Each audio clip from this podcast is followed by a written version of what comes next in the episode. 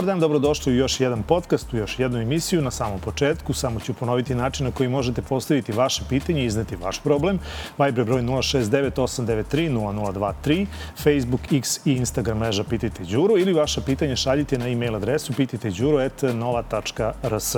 A danas ćemo pričati o vojsci, ali e, vojsci u najširem mogućem smislu, mada je povod e, ova opet priča oko toga hoćemo li imati obavezni obavezno služenje vojnog roka ili ne. E, malo, malo pa se ta priča na neki način digne u javnost. E, kažu oni koji prate politiku da je to zbog toga da se potru neke druge teme koje su mnogo bitnije i koje treba da prođu ispod e, radara javnosti. A mi danas nećemo o politici, već ćemo onome šta je to vojska i da li je neophodno da ponovo sa profesionalne vojske vratimo i obavezno služenje vojnog roka. Zato je moj današnji gost, Goran Petković, pukovnik u penziji. Dobar dan, Goran, dobrodošli. Dobar dan, bolje naša. E sad, e, od onoga e, Rado Srbin ide u vojnike, ostali smo u tome da e, Srbin ide u vojnike, ali u profesionalnu vojsku. I to je tako od 2011. Otkud sad ova priča o, o obaveznom služenju vojnog roka? Ja sam u najavi, čuli ste šta sam rekao, ali da li vi delite to mišljenje ili tu ipak ima nekih i razloga da se o ovome ipak razmišlja? Za početak bih možda dopunio to rado ide Srbin u vojnike i e, možda je vreme da odustanemo od tog mita. Uh mhm. -huh.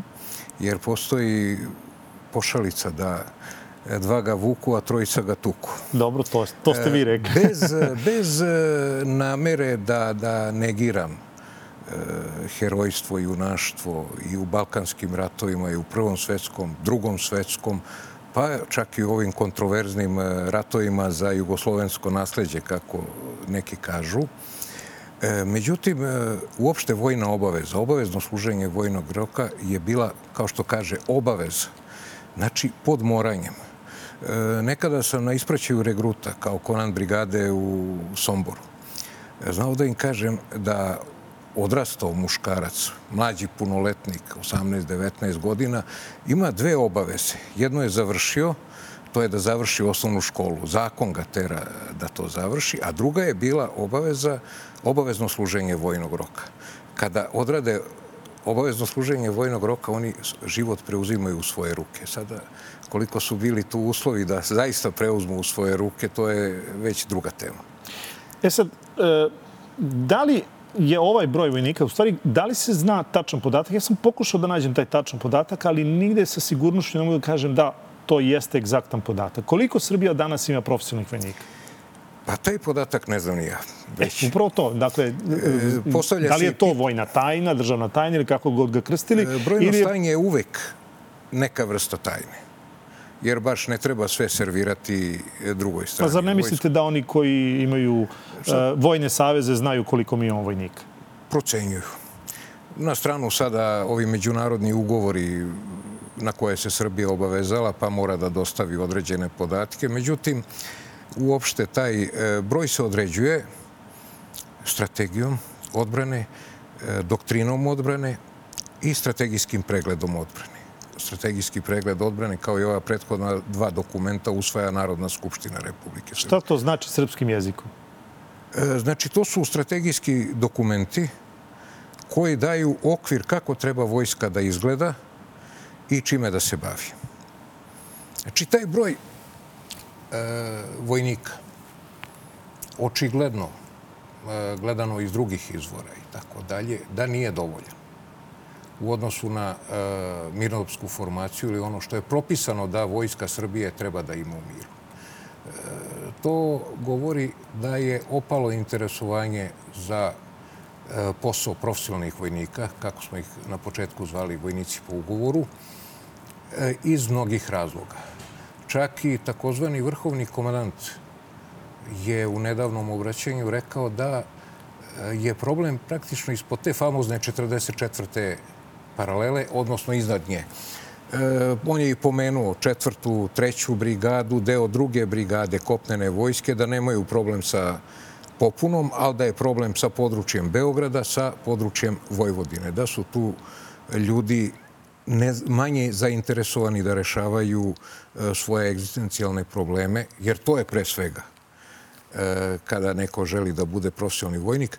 Znači da su manje zainteresovani u odnosu na one koji su ispod 44. Kad kažete popuna, e, da li je to možda razlog ponovnog sad vraćanja ove teme u, u da li je to zaista sad toliko prišlo ka, ka problemu koji je nerešiv, pa ajde sad moramo ga rešavati na ovaj način, a to je ponovo ćemo uvesti uh, obavezan vojni rok, pa makar on trajao i ovo, neke su najve četiri do četiri meseca. E, to može bude delimični uh -huh. razlog. E, ono, ja verujem e, da je istina ono što je rečeno kada se prvi put govorilo o mogućem uvođenju obaveznog služenja vojnog roka, da je to zanavljanje rezervnog sastava. Jer ako smo, znači, 1. januara 2011. godine je prekinuto, odnosno obustavljeno služenje vojnog roka. Od tada više nije bilo redovnih generacija vojnika na osluženju vojnog roka, već samo e, dobrovoljno služenje, gde je manji broj od potrebnog, sigurno. E, vojnik, kada osluži vojni rok, prevodi se u rezervni sastav. E, I Vojska Srbije, kao i većina vojski u svetu, ima svoj rezervni sastav. Međutim, to je 13 godina kako nema obaveznog služenja vojnog roka. E, znači, da, to znači da mi nemamo rezervni sastav ili ga nemamo dovoljno? Nema, e, nemamo dovoljno mladog rezervnog sastava. Jer ja sam pre godinu i po dana izašao iz e, rezervnog sastava. Jer kad sam otišao u penziju, ostala mi je obaveza služenja vojnog e, u rezervnom sastavu. Znači, podlegao, e, bio sam podložan vojnoj obavezi, mada nije velika potreba za pukovnicima u penziji. Znači, starostna, prosek godina rezervnog sastava je porastao a svaka vojska traži mlađi sastav. Znači, preko... Kad kažete porasto, koji je prosek? To može ministarstvo odbrane i da, da Nemate kaže... informacije? Ne, nemam. Zaista. A čak i da imam, ne bih je iznosio. Postoje uvek e, neka i samokontrola u obavezi čuvanja podataka do kojih sam došao tokom slučaja. Dobro, ajde onda da pokušamo ovako da dođem do odgovora. Dakle, ako poredimo e, SFRJ i unutar SFRJ, Republiku Srbiju, i današnju Republiku Srbiju. Dakle, da li je tu bar približan broj profesionalnih vojnika u odnosu na ono što je tadašnja Republika imala u Saveznoj državi? E, u Saveznoj državi Republika Srbija nije imala profesionalne vojnike.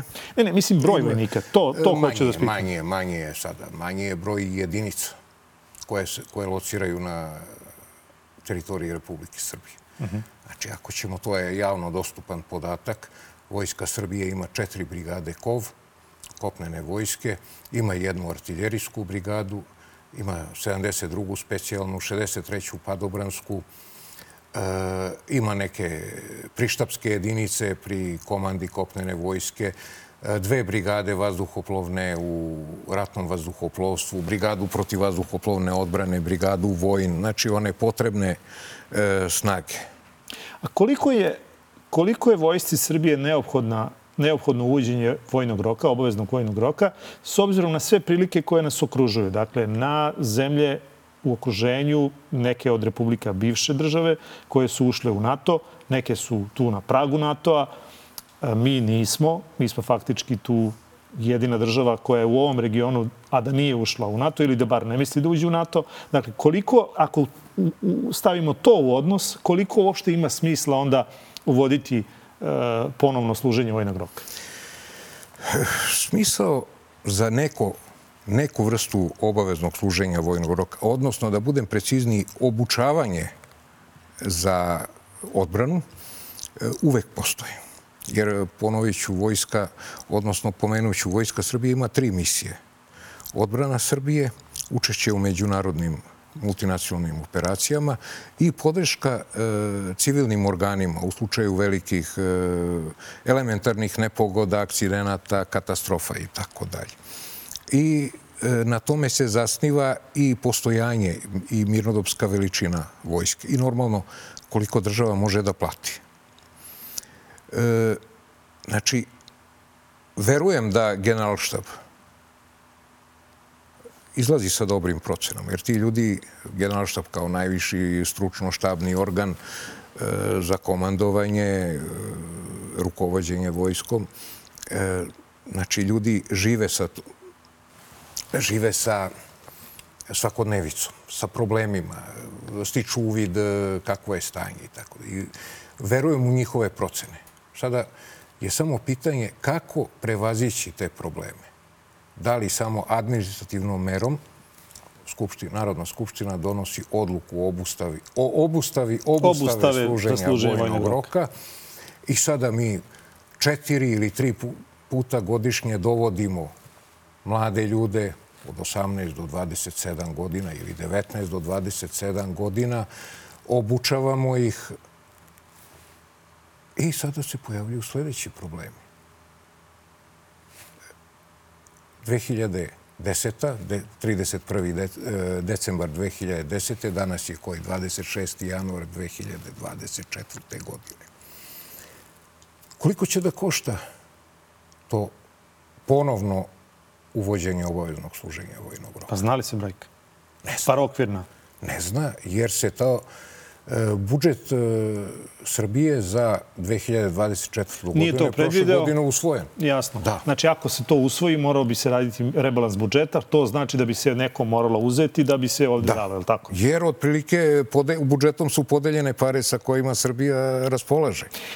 Znate šta hoću da vas pitam? Dakle, e, govori se ta četiri meseca, to je neka, ali kažu i manje, može i manje. Šta jedan mlad muškarac od 18 godina može da nauči za četiri meseca u vojsci. Je li to dovoljno? Znate, uvek je bila priča da i oni koji su neke služili vojsku da su zaboravili to, sem uh, povlačenja kreveta na crtu, da ovaj, na liniju, kako god to rekli. da što se tiče to, to je ovog ostalo, to je ostalo u sećanju, očigledno mnogima. Ovaj. Ali šta je, dakle, šta e, prosečan današnji mlad čovek može da nauči za četiri meseca u vojsci? Evo ovako. Sve da sutra sve bude spremno. E, posjetit ću da je pre par godina e, jedan ministar odbrane za dva mada je rečeno da će biti sedam dana, za dva dana je regulisao služenje vojnog roka. Ovaj. Tako da supermeni mogu sve da... Pa dobro, ali pretpostavimo da nisu ali, svi kao taj gospodin. Evo, uzet ću jedan primer. E, tokom karijere sam bio komandant 23. graničnog bataljona. Znači, na svaka četiri mjeseca sam dobio generaciju mladih vojnika i imao sam 59 radnih dana. To je, kada uračunamo vikende, to je dva meseca i 21, 22 kalendarska dana. Da završim sa njima osnovnu obuku, odnosno moje starešine, i da ih pošaljemo na karaule, da obezbeđuju državnu granicu. Znači, za, to je period od nekih tri meseca gde mogu osnovne stvari da se nauče. Znači, to je dovoljno. Ako vas dobro razumijem, to je dovoljno. Za strelca. Za strelca. Zašta nije? Ali vojska ima tenkiste, artiljerce, e, da ne ulazimo u protivvazduhoplovnu odbranu, jer tamo i pre obustave služenja vojnog roka e, su osnovne i glavne stvari radili profesionalci na raketnim sistemima i tako dalje. Ali imamo inženjerce.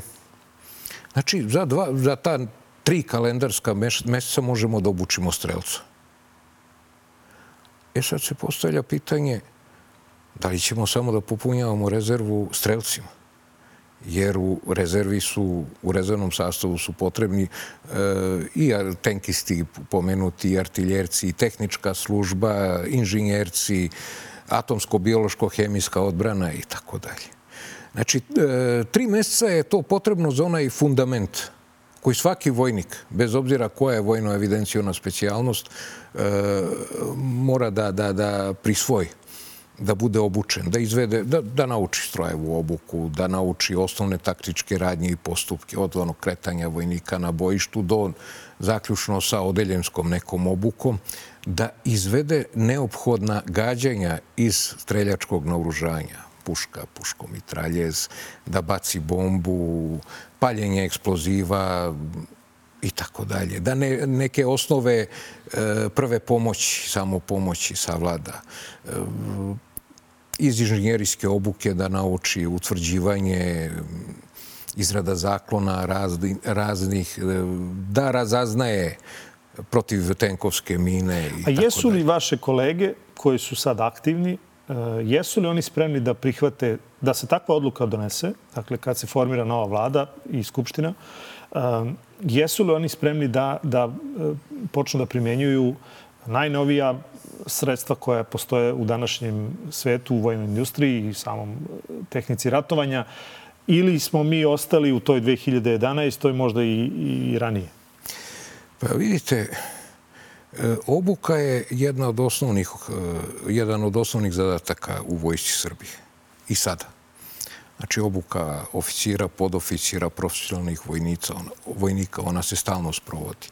Međutim, ta obuka koja se sad organizuje sa e, drugim e, ljudima, znači sa nekima koji već imaju predznanja i primite profesionalnog vojnika u službu, e, podrazumeva se da, da bi bio primljen da je oslužio vojni rok.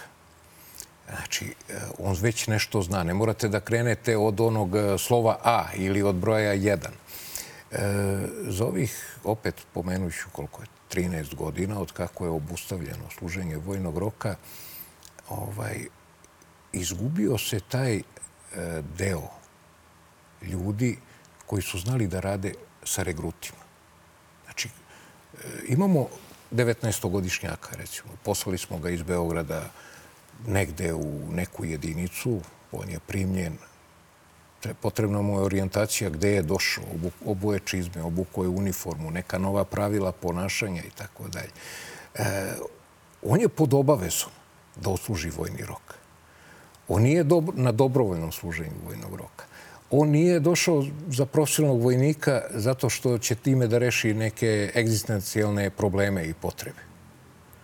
E, znači, poseban pristup izvođača obuka, obuke prema tim regrutima treba bude. Treba vratiti. A šta je sa kasarnama? Šta je sa... E, da li su one spremne da ponovo prime vojnike u, u, u svoje prostorije?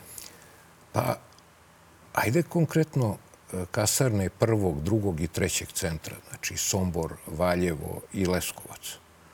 One imaju određene kapacitete, jer se tu i do sada i sada e, sprovodio prijem i obuka Ovi koji su išli dobrovoljno. na dobrovoljnom služenju vojnog roka.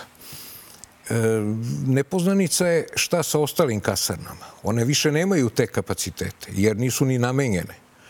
Naprimjer, baza Jug, koja pripada četvrtoj brigadi kopnene vojske, ima najbolje smeštajne uslove koje sam ikada video u vojci računajući i JNA, i Vojsku Jugoslavije, i Srbije, i Crne Gore, i sada Vojske Srbije. Ali to su kapaciteti koji se opet koriste za neke e, obaveze i nadležnosti koje e, ta brigada sprovodi. I ne može, to su trokrevetne sobe sa kupatilom, to je, znači, za razne kurseve, e, razno narastanje snaga i tako dalje. Ali to je samo jedna kasana, čak i da se koristi u kapacitetu. To je samo jedna kasarna. Sombor, Valjevo, Leskovac su najvećim delom ostali na onom e, nivou e, kakav je bio i kada je obustavljeno služenje vojnog roka. Velike vojničke spavonice, kreveti na sprat, zajednička kupatila, mislim, logično je da budu zajednička, hladna voda. E, čitav vek sam proveo u vojci Srbije i nikad me, odnosno u vojci, nikad me niko nije ubedio da će korišćenje samo hladne vode za umivanje da me e, učini čeličnim e, i izdržljivim za sve. To se ne postiže hladnom vodom ili već e, obukom, fiskulturom, izdržljivošću. Kažite mi, da se takva odluka donese, da li bi to značilo da se pozivaju svi od, rekli ste, od 18 do 27, to je od 19 do 27, da li to znači da svi odjednom dobijaju pozive ili će se to krenuti od najmlađih? Šta će biti sa onim koji ima formiranu porodicu, posao može da izgubi, dakle, u 27. godini, a ima tu obavezu. Dakle, zna, zna li se na koji način će se te stvari rešavati? To je mnogo nepoznanica i nedoumica. A mislim da i oni koji najavljuju eventualno vraćanje obaveznog služenja vojnog roka ne razmišljaju o tome ili nemaju rešenja za to. E, znači, e, mnoga godišta su izašla već ne podležu obaveznom služenju vojnog roka. U krajnjem i moj sin. 32 godine, on samo može da čeka sada neko administrativno, u stvari prevedenje u rezervni sastav i ako ga budu pozvali na neku obuku rezervista. Znači, ako bi krenuli Ne mogu odjednom da pozovu sve, sada devet, donese se odluka, mislim, konstituiše se skupština, pa prođe zakon, donese se odluka. Ne mogu odjednom da pozovu sve 19-godišnjake i 20, od 19 do 27 godina. Znači, opet mora neka mera da se Da li će to biti da prvo krenu stariji ovi 27-godišnjaci da se ne A znate li, znate li za primjer, evo, bar u, u ovim okolnim zemljama, znate li za primjer gde upravo se desilo to? Da je bila obaveza, pa ukinuta, pa ponovo vraćena? E, ne znam. Jer ja sam čuo da i Hrvati pričaju, o, pričaju, dakle, nisu doneli odluku, ali da takođe se priča da se vrati obaveza za služenje vojnog roka. E, čuo sam i ja da pričaju. Čak pominju neke dvonedeljne obuke, znači nije kao klasično služenje vojnog roka, dvonedeljne obuke. E, mislim da i kod naših komšija Hrvata je to tema koja se koristi u neke propagandno-populističke svrhe. A znate li onda da se negde služi vojni rok, obavezni vojni rok sa takim, tako kratkim trajanjem? Ima li primjera? Dakle, zašto baš ta četiri meseca? Je to neko samo ovako prosuo u javnost ili je to neko promislio, napravio istraživanje, napravio sistem kako će to uvesti, pa onda rekao, evo, mi o tome ozbiljno razmišljamo, pa je sad na nekome da odluči da će to biti predsednik ili ko je, ko je zadužen da to, o tome odluči. Najvjerojatnije ne koje sam prikupio iz sredstava javnog informisanja govore da tu nije bilo promišljenja, da tu postoji samo takozvana inicijativa generalštaba A šta vam kažu vaše kolege? Pretpostavljam da ste i dalje u kontaktu sa ljudima pa koji jesam, su... delom, delom. Koji su aktivni, ali koji su i u penziji. Sigurno imaju svoje mišljenje o tome. Pa različita su mišljenja. Uh mhm. -huh. Šta je za, šta je protiv? Dakle, koje su najčešći stavovi e, za uvođenje obaveze služenja vojnog roka, koji protiv? Pa za je neki automatizam koje su neke moje nekadašnje kolege zadržale, tako mora da bude, potrebno je bez e, daljeg ulaženja u analizu i sagledavanja problema.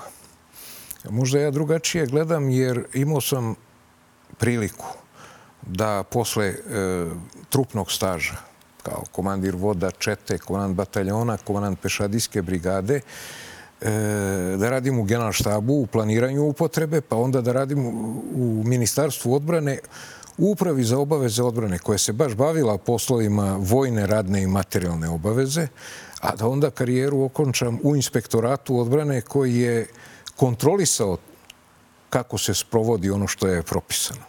I? Pa dobro, zanimljiva su uvek zapažanja bila i dok sam radio u tom sistemu. Ali evo, sada je pred vama odluka da vi kažete da ili ne, šta biste vi odlučili? I šta biste onda rekli da zbog toga, ne zbog toga? Pa napravio bih sveobuhvatnu analizu da me uvere zašto nešto treba ili ne može da se sprovede. Znači, tražio bih zaista u detalje. Mislite da te analize nema? Možda postoje površne analize. Možda postoje Jer ovo nije prvi put da se ovo pominje. Ovo je ne znam koji put da se već pominje. Maltene, imam utisak da, da samo što je obustava služenja vojnog roka stupila na snagu da se počelo sa tim pominjanjem. I jednom sam i rekao, a možda sam i malo pre, to je u stvari za sada na nivou propagandno-populističke mere. E, ne vidi se od drveta šuma. Naprimer, profesionalni vojnici, znači njih je najveći broj Negde sam naišao na podatak, sada nemojte da me držite za reč, da je, ajde, mirnodopsko stanje vojnika, e, vojske Srbije negde desetak i nešto hiljada treba da bude i tako dalje. Imamo profesionalne vojnike koji čine najveći deo u između, među profesionalnim vojnim licima. Jer ono, kako piramida ide, najviše je vojnika, pa manje podoficira, pa još manje oficira. Kao kada su masovno dolazili, sklapali ugovore, treba razmisliti zašto sada nema no, e, većeg priliva i zašto ima toliko godliva, kako kaže Vojni sindikat Srbije. Pretpostavljam da je novac. Prv, novac, da. Prva stavka. Novac Koliko danas prosečan profesionalni vojnik ima platu? Ne znam, zaista. Okvirno? Pa manje od podoficira. Što je logično. Što je logično. Ovaj, Dobro, znači, nedovoljno očigledno da bi se popunjavale jedinice. E, nedovoljno jer i u vreme dok sam u graničnoj službi bio, ajde, napravit ću digresiju. E, bio sam u generalštabu u odeljenju za poslove granične službe i onda pratio sve te granične jedinice tadašnje Savezne republike Jugoslavije. I po stanju popune profesionalnim vojnicima, odnosno kako se tada zvali vojnici po ugoru, vi ste mogli da vidite da li je to područje ili taj deo počivše nam zajedničke države, ovaj, ekonomski razvijeniji ili manje nerazvijeniji. Tad smo imali isto problem da popunimo e, granične bataljone u Vojvodini. Jer je bolja ekonomska situacija bila. Znači, ako ja dobro čitam, onda je Vojska Srbije e, socijalni ventil. Između ostalog, kao i svaka vojska. Kao i svaka vojska. E, I vojska Sjedinjenih američkih država... Je socijalni ventil. Je socijalni. I vojska e, Velike Britanije Jer to je način rešavanja i zapošljavanja e, jedne zdrave populacije. Pa ali ako, ako, onda opet možemo za, zaključujemo možda ako Srbi neće u, u vojsku, u profesionalnu vojsku, sem te plate, možda onda dobro žive. Pa sada ko kako živi, to je... Neko mi reče neki dan da li naš Srbin ide u samoposlugu pre glasanja ili posle glasanja ili na benzinsku pumpu i ako ima šta, u šta da sipa gorivo. Znači, e, ono što sam mogao da vidim ili da zaključim, plata, ali i angažovanje tih profesionalnih vojnika. Profesionalni vojnik ima isto osmočasovno radno vreme, 40-časovnu radnu sedmicu, ima propisani godišnji odmor – sve ono što pripada po zakonu o radu i drugim e, zaposlenima, s tim što tu imamo lex specialis, e, zakon o vojci Srbije. Međutim, pojavljuju se problemi e, česte pripravnosti, podizanje stepena operativnih sposobnosti. Sa razlogom ili bez? Pa oni koji su naredili podizanje kažu da je s razlogom. E, ja kao građanin, ponavljam, kao građanin... Mislite da je bez razloga? Smatram da se previše poteže to. Jer sam naučio i kroz karijeru. E, to je kao sa, sa sabljom i ono što piše na oficirskoj sablji. Ne vadi me bez razloga, ne vraćaj me bez časti. Tako i da kad narediš podizanje stepena operativnih sposobnosti ili kako se to u neko moje mlađe vreme zvalo, borbene gotovosti to mora da postoji razlog i da ima rezultate, odnosno efekte. E sada, da li je svaki put to bilo tako? Pitanje. A to e... najbolje znaju i profesionalni pripadnici vojske. Kad pominjete ono što ne sme da, da, da preskočim profesionalce u vojsci, e, vojska se hvalila, to jest e, ljudi u vojsci, u vrhu vojske su se hvalili da je sve više žena u profesionalnoj profesionalnih vojnika. E, da li će ova vojna obaveza se možda odnositi i na žene? Opet se vraćamo na nedoumice i nepoznanice. Znači, e, do obustave obaveznog služenja vojnog roka samo su muškarci išli na osluženje. Sem onaj e, eksperiment 85. četvrte, kada je bio sa uvođenjem žena u JNA. E, umeđu vremenu su kao profesionalne vojnikinje primane, manje. Umeđu vremenu je i akademija, Vojna akademija počela da školuje žene. Umeđu vremenu je i Vojna gimnazija počela da prima žene. Onda kada se krenulo sa dobrovoljnim služenjem vojnog roka, bila su otvorena vrata i ženama. I kako je tu popuna bila? Koliko je bilo zainteresovanih? Pa opet u zavisnosti od e, područja zemlje sa koje dolaze kandidati. Znači nije se to razliko od muškaraca u smislu odlaska? Nema tu velike razlike. da me neko ne optuži da sam protiv rodne ravnopravnosti ili e, protiv žena u vojsci. Naprotiv, imao sam dobra iskustva sa, sa ženama koje su radile u vojsci, počeo od profesionalnih vojnikinja pa dalje. I u taj proces uvođenja žena u vojsku se prebrzo i politički ušlo. Bez razmatranja mogućih e, e, problema ili e, šta će se pojaviti pred tim osobama koje se pojave. Naprimjer, onda su se u hodu rešavali problemi. Šta sa ženama oficirima ili profesionalnim vojnicima na trudničkom bolovanju, na porodiljskom bolovanju.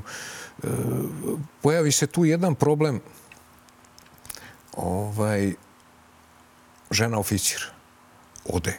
Bogu hvala na porodiljsko bolovanje, na trudničko porodiljsko. Ko nju menja? Ko je komandir voda ili komandir čete ili štabni oficir umesto njih? Zar se to nije znalo pre nego što su ošte uveli mogućnost da žene budu profesionalne vojnici? Pa o nekim stvarima se očigledno ne razmišlja pre. Da A da li se razmišlja o civilnom služenju vojnog roka? Jer i to bila opcija dok je bila obaveza. Analogno obav, odluci o obustavi obaveznog služenja vojnog roka. Znači, tada je obustavljeno služenje sa oružjem, služenje vojnog roka bez oružja, gde je, i nije bilo nešto interesenata, i civilna služba. Kako je? Nekad se to zvalo služenje vojnog roka u civilnoj službi, pa onda civilna služba nakon usvajanja zakona o civilnoj službi to bi bio još novi problem. A ne možete da ga preskočite ili da ga e, da ne konstatujete da postoji. Pa da, jer će velika većina ljudi se e, pozvati na prigovor savesti. Ustav kaže, postoji pravo na prigovor savesti. Zakon o vojnoj radnoj i materijalnoj obavezi kaže, prigovor savesti. Zakon o civilnoj službi kaže, čak i nabraja koji su uslovi koji sprečavaju da, nekoga, da se neko pozove na prigovor savesti. Mislite li da će nakon ove pauze, koja je, koliko smo rekli, 13 godina trajala, da. da će sad biti, e, ako se to uvede, da će biti enormnog povećanja upravo tog ustavnog prava, a to je prigovor savesti? Pa bojim se da hoće, hoće, a onda šta je dobijeno ovim obaveznim služenjem vojnog roka sa oružjem? Šta ćemo dobiti? Ako se, na primjer, 30-40 odsto, da, da, da, e, sada brojke ne izbacujem kao iz rukava, ovaj, ako se javi veliki broj i pozove na prigovor savesti. I opet se javlja i jedna neravnopravnost i nejednakost. Znate li koji su uslovi da ne možete da se pozovete na prigovor savesti? Da ste bili stran, e, član streljačkog kluba, je li tako? Da ste učestvili? Streljački klub, lovačko udruženje, da imate oružje u, sa odobrenjem za držanje. Mm -hmm. Daleko bilo i za nošenje, to već ne može prosečni građanin. E, da niste osuđivani za dela, krivična dela i prekršaje sa elementima nasilja. Pa mali je broj ovaj, u populaciji koji ne ispunjava te uslove. Baš da vidim 19-godišnjaka koji ima odobrenje za Što ču, znači onda ako ubacimo oružja. to u jednačinu, da će veliki broj ljudi da se uporo Bojim pozove se, na prigovor znači, savjesti. E, kad, kad god me, izvinite, kad uh -huh. god mhm. me neko pita u vezi sa ovom obaveznim služenjem vojnog roka, stalno ponavljam nedoumice, nejasnoće i sve češće bojim se da će biti tako. Da ne preskočimo, e, nekako to nismo e, šta je sa rezervom, dakle, šta je sa pozivima? Evo ja, pravo da vam kažem, u mom okruženju ne znam da je iko otišao na vojnu vežbu, da je iko pozva na voj, vojnu vežbu. Dakle, je to uopšte postojalo u ovim prethodnim godinama kad je ukinuta obaveza služenja vojnog roka ili se kako se i ovo završilo, završilo i s tim pozivima. Znamo da je ministar Vulin dok je bio ministar vojske, da je on ovaj, paradirao i išao da ovaj, na, na tu vojnu vežbu ili kako je to tad nazvao. Obuka rezervnog sastava da. koja mu je računata kao odsluženje vojnog roka. Pa dobro, on je jedan jedini. Sad da se ne šalimo njime, ovaj, jer ali, je to zaista bila šala što je on radio. Pa, pa jeste, ali tragična šala. Ja sam osetio to kao šamar. U to vreme sam još bio u profesionalnoj vojnoj službi. Da, da, ali niko od, od vas oficira, uz dužno poštovanje vama, nije se našao pa da ne salutira takvom jednom ministru, nego da izrazi svoj otvoren protest. Nije. Ja bar ne znam. Kažem, nisam ga ni jednom sreo uživo dok je bio ministar odbrane. A jedino što, jedini kontakt koji smo imali to je što je potpisao naredbu o mom prestanku profesionalne vojne službe. A, ovaj, e, bila je obuka lica u rezervnom sastavu se sprovodilo u manjem ili malo većem obimu počeo od presaopštavanja, pozivanja radi presaopštavanja ratnog rasporeda. Znači, vi zovete e, jedinica, poziva rezerve, rezerviste koji su je dodeljeni da se jave i da im kaže vi ste u ovoj jedinici u rezervnom sastavu u slučaju e, poziva dolazite ovde, takve su obaveze, tu se ljudi upoznaju, prikupe podatke, da ne bi samo ono poziv, pa ne zna ni ko će mu doći i tako dalje. Ali sve tih formalnosti, su... znate li da su se odigravale vojne vežbe na koji su ljudi pozivani, koji su bili u vojsci, da li u civilnoj, da li u, u, u običnoj? civilnoj nisu mogli da puno. Nisu, jel tako? Tu da, nije da, bilo, da. pa ali znam, ali ako si u civilnoj vojsci, ako si recimo bio, ne znam, evo u urgentnom centru, da. na primjer, pa zar i tu ne treba neka dodatna vežba da to što si odslužio civilnu vojsku u urgentnom centru, da se tu pomalo i doobučiš, da ne zaboraviš ono što si znao dok si bio u civilnoj službi. Civilne Misle da to nema da, potrebe? Ma, znači, znate šta, ima tu mnogo i bilo bi potrebe i tako. Znači, onaj, ajde, vraćamo se na civilnu službu, onaj koji se pozvao na prigovor savesti, pa je sprovodio uh, civilnu službu u nekoj ustanovi, organizaciji koja ispunjava uslove, ovaj, on je trebao da prođe i neke teme i zaštite i spasavanja, koje su u suštini nisu ni Retko, ko je to radio? Da, da.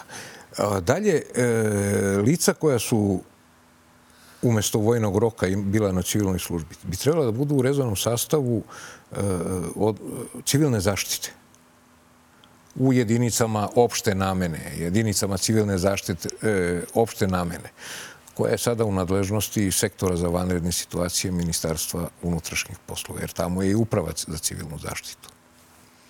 Da li je? Nije.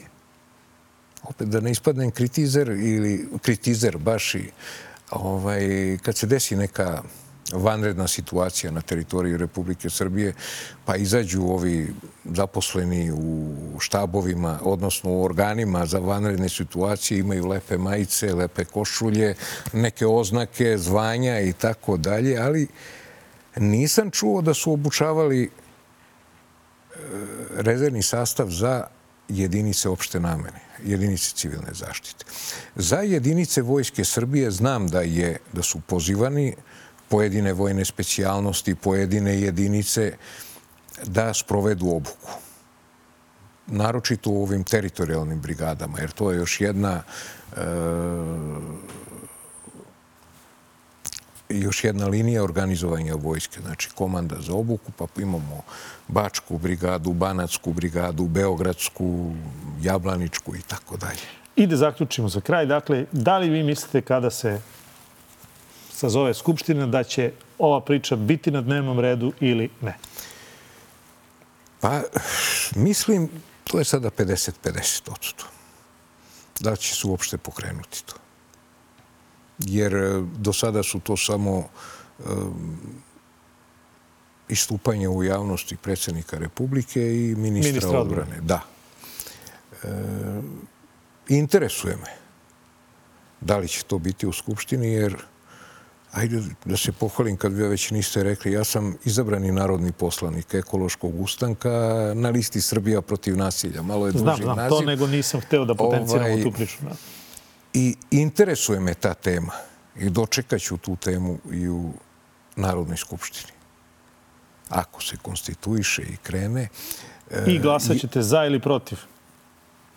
E, glasat ću onako kako me ubede ili ne ubede da to treba. A znači sad još uvek nemate svoj stav oko toga definitivno? Ja uvek imam stav, ali sada želim da čujem čime se obrazlaže takva. Znači, e, ne prihvatam e, obrazla, obrazlaganje, šta ja znam, u nekom nastupu pred novinarima zbog otvaranja autoputa, deoničice autoputa mm -hmm. ili već kad stigne zakonski predlog, tu postoji obrazloženje. I zašto, i šta se dobija, šta se gubi i koliko to košta. Ajde, onda ćemo zajednički da sačekamo ako dođe do toga, pa će pa biti prilike biće. Pred nama su zanimljivi dani. Ovaj, februar će biti zanimljiv, mart i tako. Hvala vam puno. Molim. Moj gost bio danas Goran Petković, pukovnik u penziji, a broj telefona otvoren za vaše pitanja. Pošaljite 069 893 0023, to je Viber broj. Pišite na Facebook, X i Instagram mrežu tweet, Pitajte Đuru ili vaše pitanje šaljite na e-mail adresu pitajteđuru.nova.rs.